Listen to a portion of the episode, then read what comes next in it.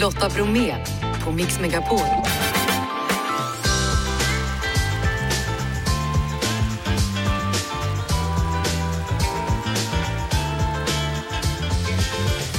Hallå där och varmt välkommen in till oss denna tisdag. Martin Appel om en stund. Dagens teknik handlar om molnet. Skräpar du ner?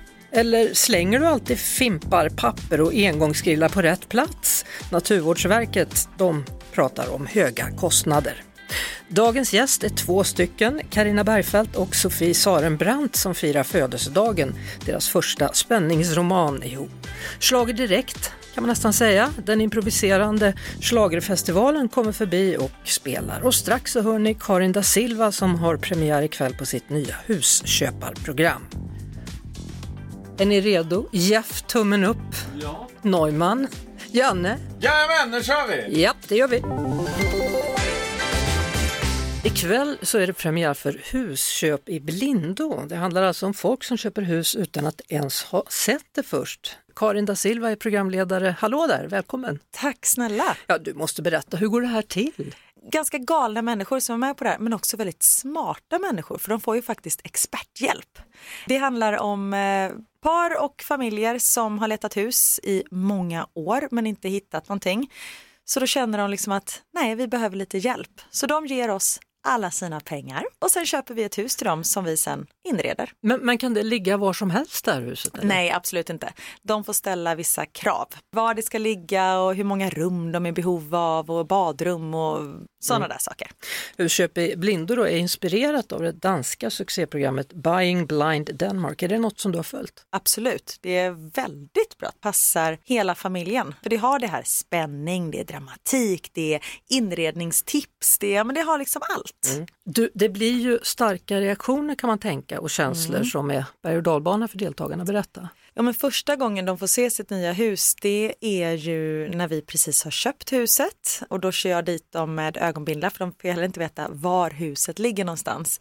Så när de tar av sig ögonbindlarna så möts de oftast av ett ganska fult hem. Ett ruckel. Ett ruckel. För det är ju helt orenoverat och inte inrätt eller någonting.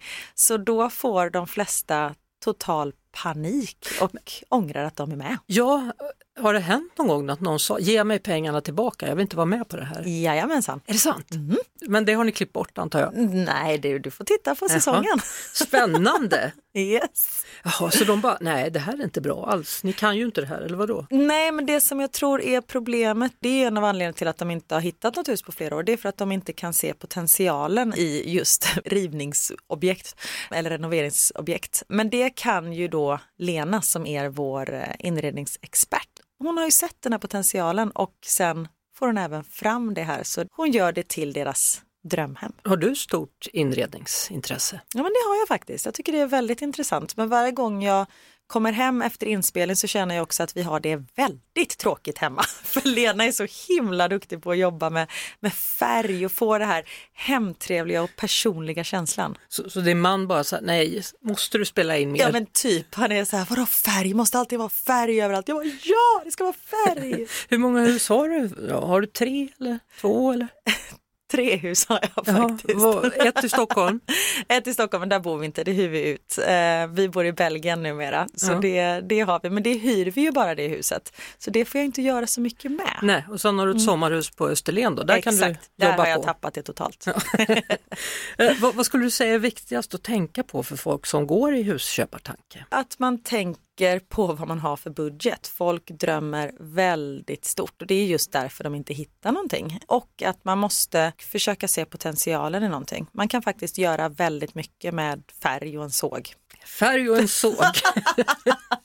Härligt. Det är premiär alltså för Husköp i blindo på TV3 ikväll klockan 21 och finns även att titta på då på Viaplay. Tack för att du kom och berättade Karin da Silva. Tack så mycket. Och kom tillbaka snart och så får vi prata lite mer om ditt liv i Bryssel och allt annat som du pysslar med. Jättegärna. Tekniktipset. Martin Appel är på plats, han är konsumentredaktör på PC för alla. Och idag så ska vi prata om molntjänster. En molntjänst, det handlar ju om att man lagrar information, till exempel bilder eller filmer, inte bara i sin egen mobil eller dator utan även på en jättestor server hos företag som Apple eller Google eller Microsoft. Och det bästa och enklaste tipset är tydligen molnet då? Molnet är ju det som är grejen när du vill spara dina bilder och filmer. För då kommer du åt dem precis var som helst. I våra mobiltelefoner, oavsett om det är en iPhone eller en Android-telefon, så har du några stycken gigabytes utrymme gratis. Det är liksom bjussar Microsoft eller Google eller Apple på. Men när de där tar slut, då förväntar de sig att du ska betala. Så då får du välja antingen sätta igång och rensa så att du inte har mer än 5 gigabyte som det brukar vara. Eller också så får du ta fram plånboken och betala. Så vad är fördelen med sådana här tjänster? Apple iCloud eller Microsoft OneDrive eller Google Drive? Den stora fördelen det är att dina bilder och dina filmer, om allt funkar som det ska, så ligger de i tryggt förvar. De ligger både på din egen telefon men också på en dator hos Microsoft eller Google eller Apple. Så det gör att om din telefon går sönder, om den blir stulen, kommer bilderna och filmerna ändå finnas kvar. Och samma sak om du byter till en ny telefon. Då kommer det bli enkelt för att du behöver inte manuellt flytta över massa filmer och bilder utan det kommer ske med automatik. För det är ju så att om vi blir av med våra telefoner så är det ju egentligen inte framför allt den fysiska telefonen vi är rädda om. Vi får förhoppningsvis en ny från försäkringsbolaget. Utan det är ju alla våra minnen som ligger där. Mm, men gäller det även kontakter, att de sparas i det här molnet? Även kontakter sparas i molnet, även inställningar och sånt så att i princip när du skaffar en ny mobiltelefon om du väljer det så kan du få den som en spegel av din gamla telefon med mm. kontakter, med dina mejl, med dina bilder, filmer och så vidare. Och sms tydligen. Och sms också om du väljer det. Hur dyrt är det då att ha de här tjänsterna? Det du gör, du betalar för hur mycket, hur många gigabyte du vill ha. Och de billigaste abonnemangen, några hundra gigabyte, de ligger på några tior i månaden. Och ska du ha jättemycket, om vi pratar om flera terabyte, alltså tusen gigabyte, då pratar vi om några hundra lappar i månaden. Så det ligger där och skiftar beroende på hur mycket utrymme du vill ha. Så det här är egentligen en billigare lösning då, om man inte har en extern hårddisk? Den billigaste lösningen är ju förstås att du väljer det här gratisabonnemanget och ser till att du sen rensar i det så att du inte slår i taket. Och då kan du ju välja att lägga över det på din egen dator, och du kan lägga det på en extern hårddisk. Men det viktiga är att man alltid ser till att man har någon typ av säkerhet på sina bilder och filmer. För är de borta så går det ju inte på något sätt att återställa. Nästan allt annat om du har installerat appar och blir av med dem. Installera den på nytt så är de ju tillbaka men så är det ju inte med bilder och filmer om de bara ligger på en enda mobil. Bilderna är ju borta for, forever. Mm. Tack för detta. Och nästa vecka ska vi prata husdjur. Vi ska prata om husdjur, mysigt va? Absolut. Lotta Bromé på Mix Megapol. Theo som jobbar med oss, han har varit ute och kollat på stan för nu ska vi nämligen prata om det här med nedskräpning. Han ställde såklart en rak fråga, brukar du skräpa ner? Nej, aldrig. Har du aldrig slängt någonting som inte... Ja, jo, när jag var yngre kanske, men nej, jag försöker verkligen inte göra det. Möjligen så källsorterar jag fel om det är nedskräpning. Nej, det brukar jag inte. För att jag tycker att det är fel att förstöra naturen. Och framförallt, eh, alltså till exempel här, om man slänger skräp så blir ju ankor och hundar och allt möjligt drabbade. Och jag bryr mig mycket om djur så. Ja, kanske för länge sedan när jag rökte. Ah, det är cigarettfimparna. Ja, precis. Men det var länge sedan. Uh, nej men jag, jag, ställer mig, jag är emot det här med nedskräpning. Nej men jag tycker det är förjävligt. Så att uh, jag själv försöker verkligen undvika det. Är du för nedskräpning? Nej, inte för nedskräpning. Eller jag gillar inte nedskräpning överhuvudtaget. Men det har ju hänt att man kanske har lämnat någon pappmugg någonstans. Det har jag säkert gjort någon gång. Inte medvetet kanske men... Alltså jag tycker nog att vi tänker ganska mycket på att inte skräpa ner. Jag menar nu för tiden. Nej, jag eh, sorterar sopor och slänger inte i naturen. Det är väldigt smutsigt i Stockholm överlag, tycker jag. Mycket skräp. Ja, det, det ska vara typ eh, kärnor. Äppelkärnor. mm. Nej, faktiskt inte. Jag har ju min dosa här jag stoppar själv mina piller som jag har där liksom. Söker ändå ta vara själv på miljön. tycker det är rätt så viktigt. Eh, nej. Vad, vad var det du la på marken där då? Alltså, du, du menar här? Det var eh, havregryn till småfåglarna. Ja, och det är ju tillåtet faktiskt. Hörrni, ska vi ta och gissa nu då? Under 2022, Sveriges kommuner, de har fått ta hand om nedskräpning. Hur mycket gick det på? Fundera, strax kommer svaret. Du lyssnar på Lotta Bromé på Mix Megapol. Klockan är 19 minuter i 17 och nu vet vi alltså hur mycket det kostar för Sveriges kommuner att ta hand om nedskräpning. Jag bad er gissa.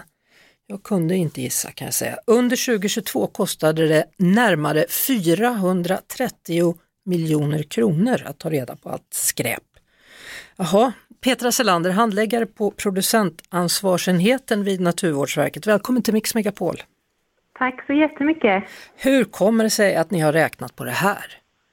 Jo, men det är så att det här är en helt ny lagstiftning eh, där producenterna för vissa av de här engångsplastprodukterna som är vanliga i nedskräpningssammanhang eh, ska stå för kostnaderna för att städa upp deras produkter. Idag är det ju kommunerna och det är den siffran vi ser idag som betalar för det här, men man vill göra ett skifte att producenterna ska ta ett större ansvar och också betala. Och den här avgiften heter nedskräpningsavgifter. Så är det vi konsumenter då som kommer få betala extra för en pappmugg till exempel? Hur producenterna väljer att lägga den här avgiften är inte klart än. De ska börja betala 2024. Men det här är ju ett styrmedel för att producenten ska ta ett initiativ och arbeta mer förebyggande med nedskräpning. För ju mer deras produkt skräpar ner, Mm. desto mer kommer de betala. Och ju mindre deras produkt skräpar ner, desto mindre kommer de ju betala i den här avgiften. Så om, om vi kollar på vad är den mesta nedskräpningen, vad består den av? Jo, men det är ju de här engångsplastprodukterna. Eh, mycket plast som skräpar ner och det är de som kommer få betala. Och det är det vi använder utomhus och är engångsbruk. Eh, vi har till exempel fimpar, det är ju det största skräpet och de innehåller ju plast i filtret. Och sen så har vi andra typer av engångsplastförpackningar, till exempel flexibla omslag kallar vi det. Det är till exempel chipspåsen eller godispåsen. Mm. Men vi har också plastbärkassar och andra typer av take away eh, förpackningar, typ muggar och matlådor som vi hämtar hem mat i. Ja.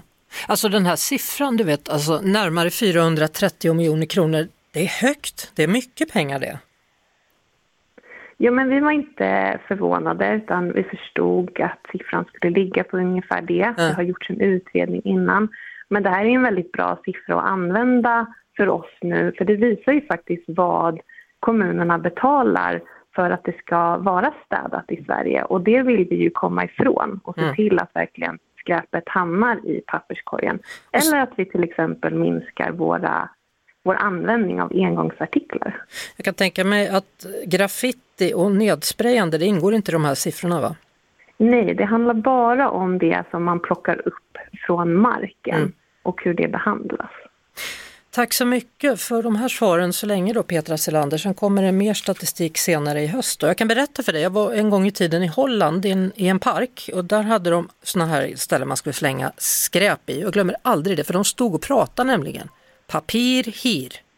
Är det sant? Ja. Jo, men det händer lite i Sverige också. Det kommer mer och mer och eh, det här nedskräpningsavgifterna händer i, i alla EU-länder. Så det är inte bara Sverige som kommer jobba med det här. Härligt. Tack för att du var med Petra Selander. Tack. Hej. Hej då. Lotta Bromé och den perfekta mixen på Mix Megapol. 12 september så släpptes första delen i bokserien om journalisten Frida von Engen. Välkomna hit till Mix Megapol, Sofie Sarenbrant och Karina Bergfeldt. Tack så mycket, Tack. kul att vara här. Förutom att ni då skriver ihop, är ni bästisar också eller? Ja, jag tänker så här att vi var vänner innan vi började skriva boken. Hur länge har ni känt varandra? Tio år ungefär. Karina hade skrivit en deckare och jag också och så träffades vi på en releasefest tror jag det var. Mm. Sen så gick vi åt lunch tillsammans och så blev det en sån här lunch som aldrig tog slut och Sofie blev den här vännen som man träffar kanske en gång i halvåret, men när man väl träffas så är man så här, okej okay, nu plockar vi av oss de här äh, Instagram-fasaderna och kollar hur mår du på riktigt, liksom, vad händer mm. i ditt liv? Och det blev så befriande att en gång i halvåret ungefär sätta sig i fyra timmar med någon och bara vara helt ärlig. Så här mår jag, det här händer, det här är jobbigt. Ja, men jag tänker också det är också säkert därför vi kan skriva bok ihop. Vi kritiserar både våra egna texter och den andras text och vi avfärdar idéer och vi kan gå vidare med sånt som vi båda tycker är bäst och så. Här. Så jag tror ändå att det har med det här långa tioåriga arbetet att göra. För en vecka sedan då så släpptes ert första samarbete. Hur har det tagits emot? Vi fick en jättefin recension idag. Ett spännande mästerverk skrev BLT. Vi måste berätta det för vi är så stolta och glada. Blekinge ja. Läns Tidningar. Ja, vi älskar Blekinge Läns Tidningar. Vi ska börja prenumerera båda två nu. Oftast är det ju faktiskt så. Jag har ju skrivit ganska många deckare och det är ju inte alltid deckare recenseras överhuvudtaget. Gör två författare att boken blir dubbelt så bra? Det hade man ju hoppats men det... Säg ja. ja, men, ja. Nej, men jag tror så här att eh, arbetet för det första är ju otroligt mycket roligare. Man kan verkligen dela på story, karaktär, ta ansvar för alltså även framgång, motgång, allting jobbar vi tillsammans med. Och sen rollspelar vi också eftersom att vi är lite, lite knäppa. Så vi sitter och håller varandra i hand och spelar upp scener och, och Sofie lägger sig på marken och spelar död och vi gör olika saker för att göra scenerna så verkliga som möjligt. Eh, Sofie, du har ju vunnit då titeln Årets svenska deckarförfattare tre gånger, sålt fler än fem miljoner ex av dina böcker i 17 länder. Vilken är Sofies styrka, Karina?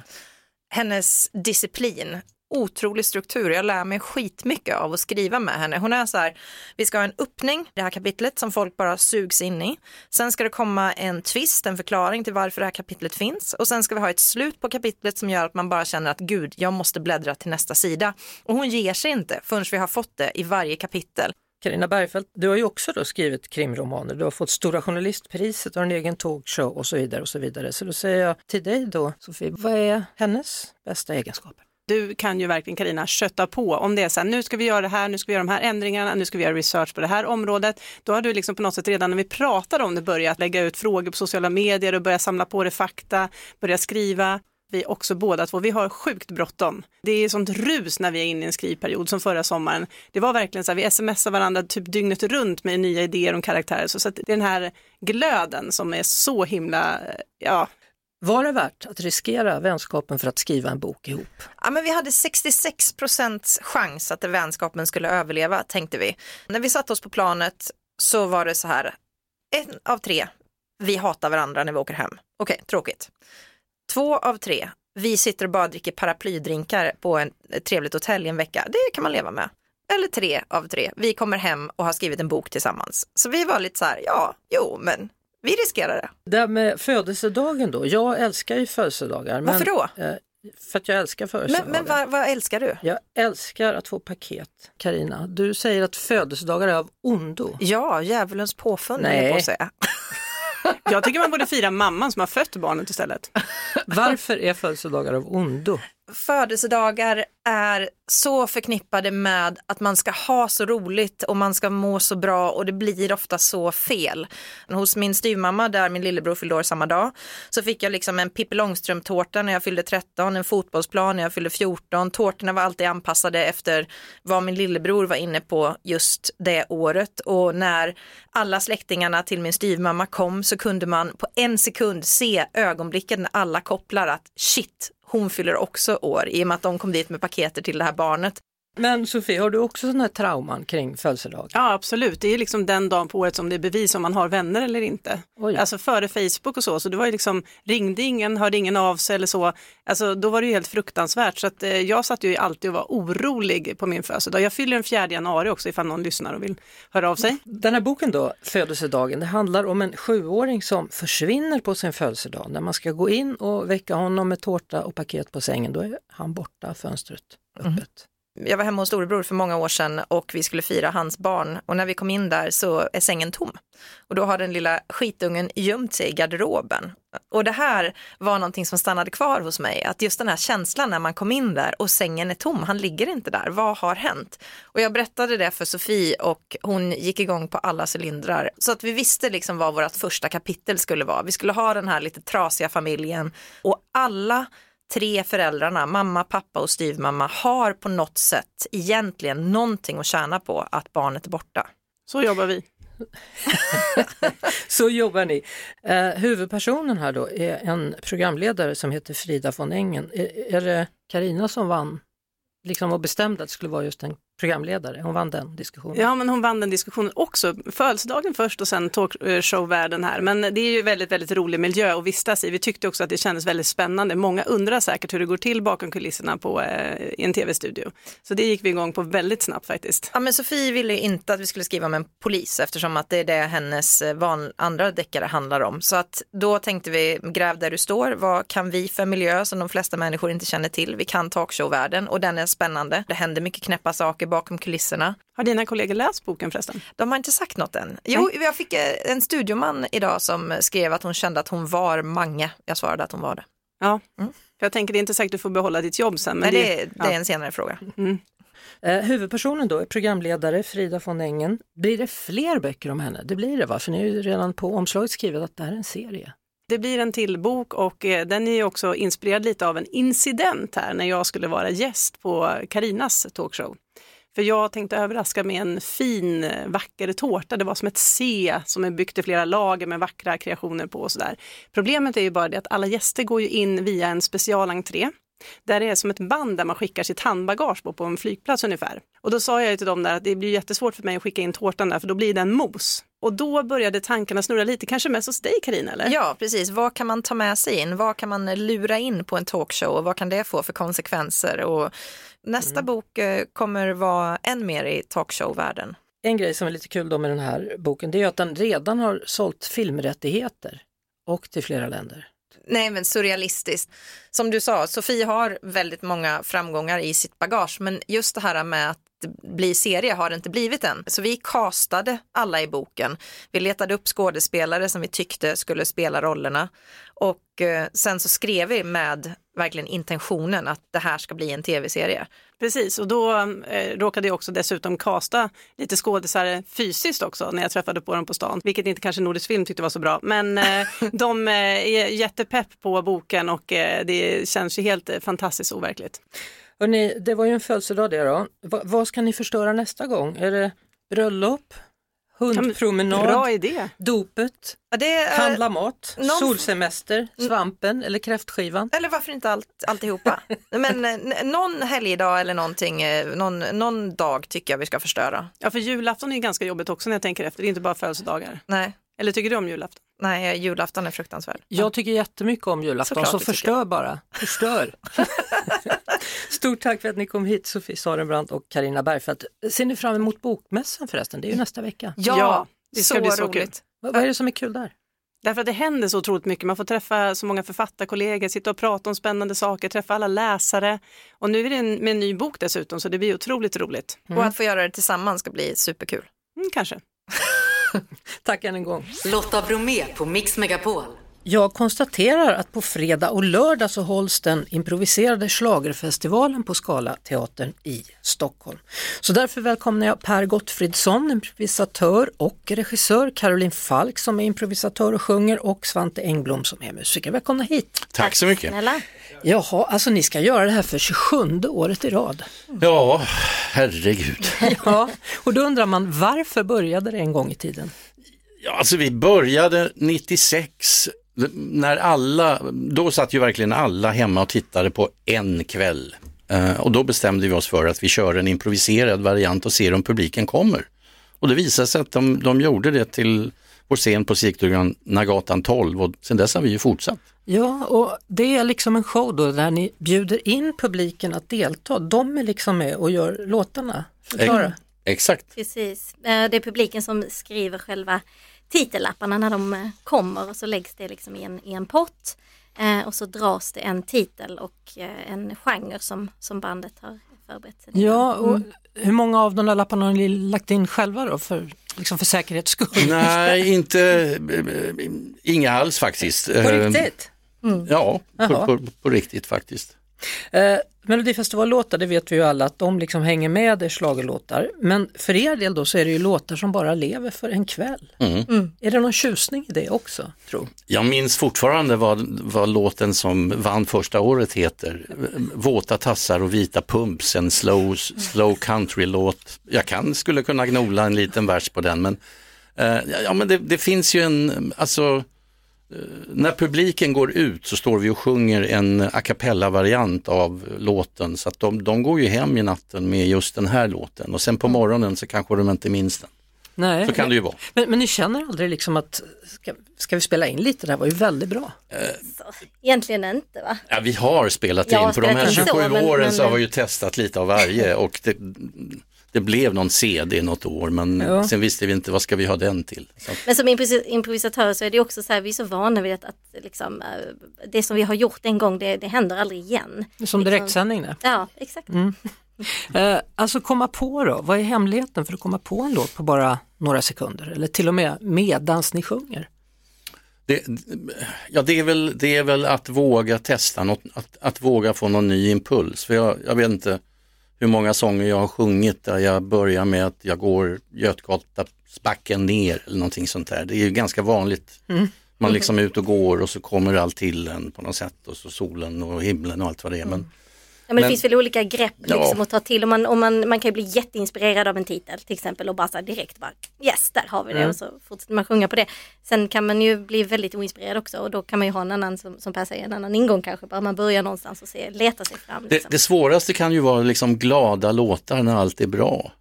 Det, det är ganska svårt, det, det är lättare när, man, när det är något det är när det, man märker i titeln att den här människan mår inte så bra. Då, då brukar det vara lite lättare att komma Det, på det är så kompositörer brukar säga, är det inte så? Låtskrivare. Jo, jo, det- Förutom Per Gessle, för det är oftast glada Ja, låtar. just det. Men, Ja.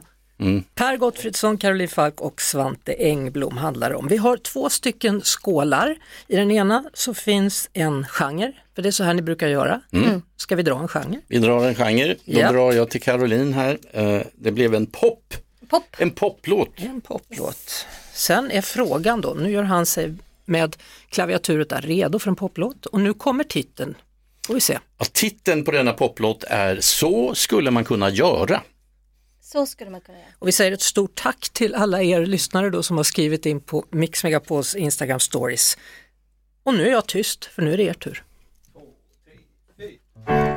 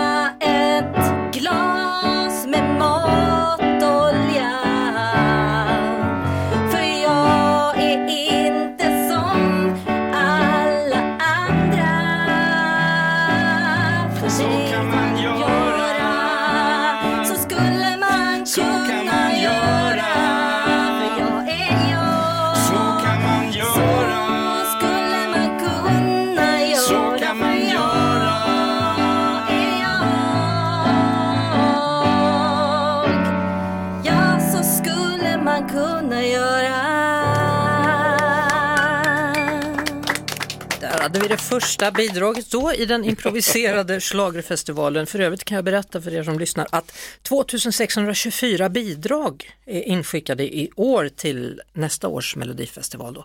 Hur många brukar ni hinna med på en kväll? Vi, vi hinner med 15 eller 16 låtar.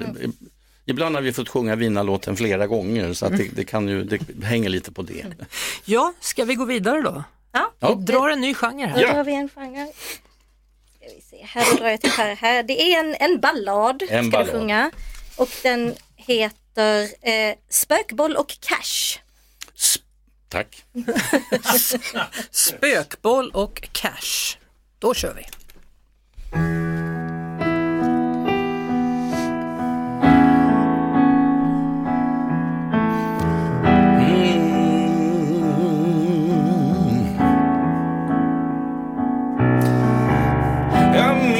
Första sommaren när jag träffade dig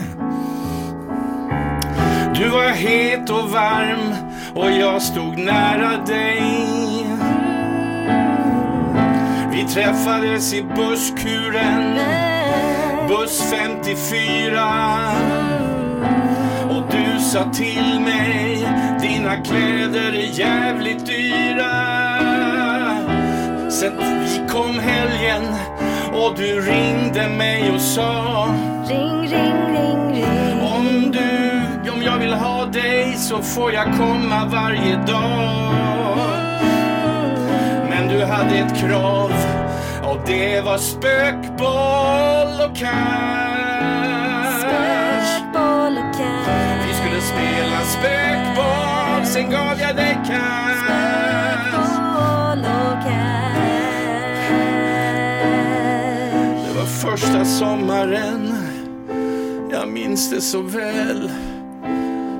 Och sen så tog det slut. Spökboll. Spökboll och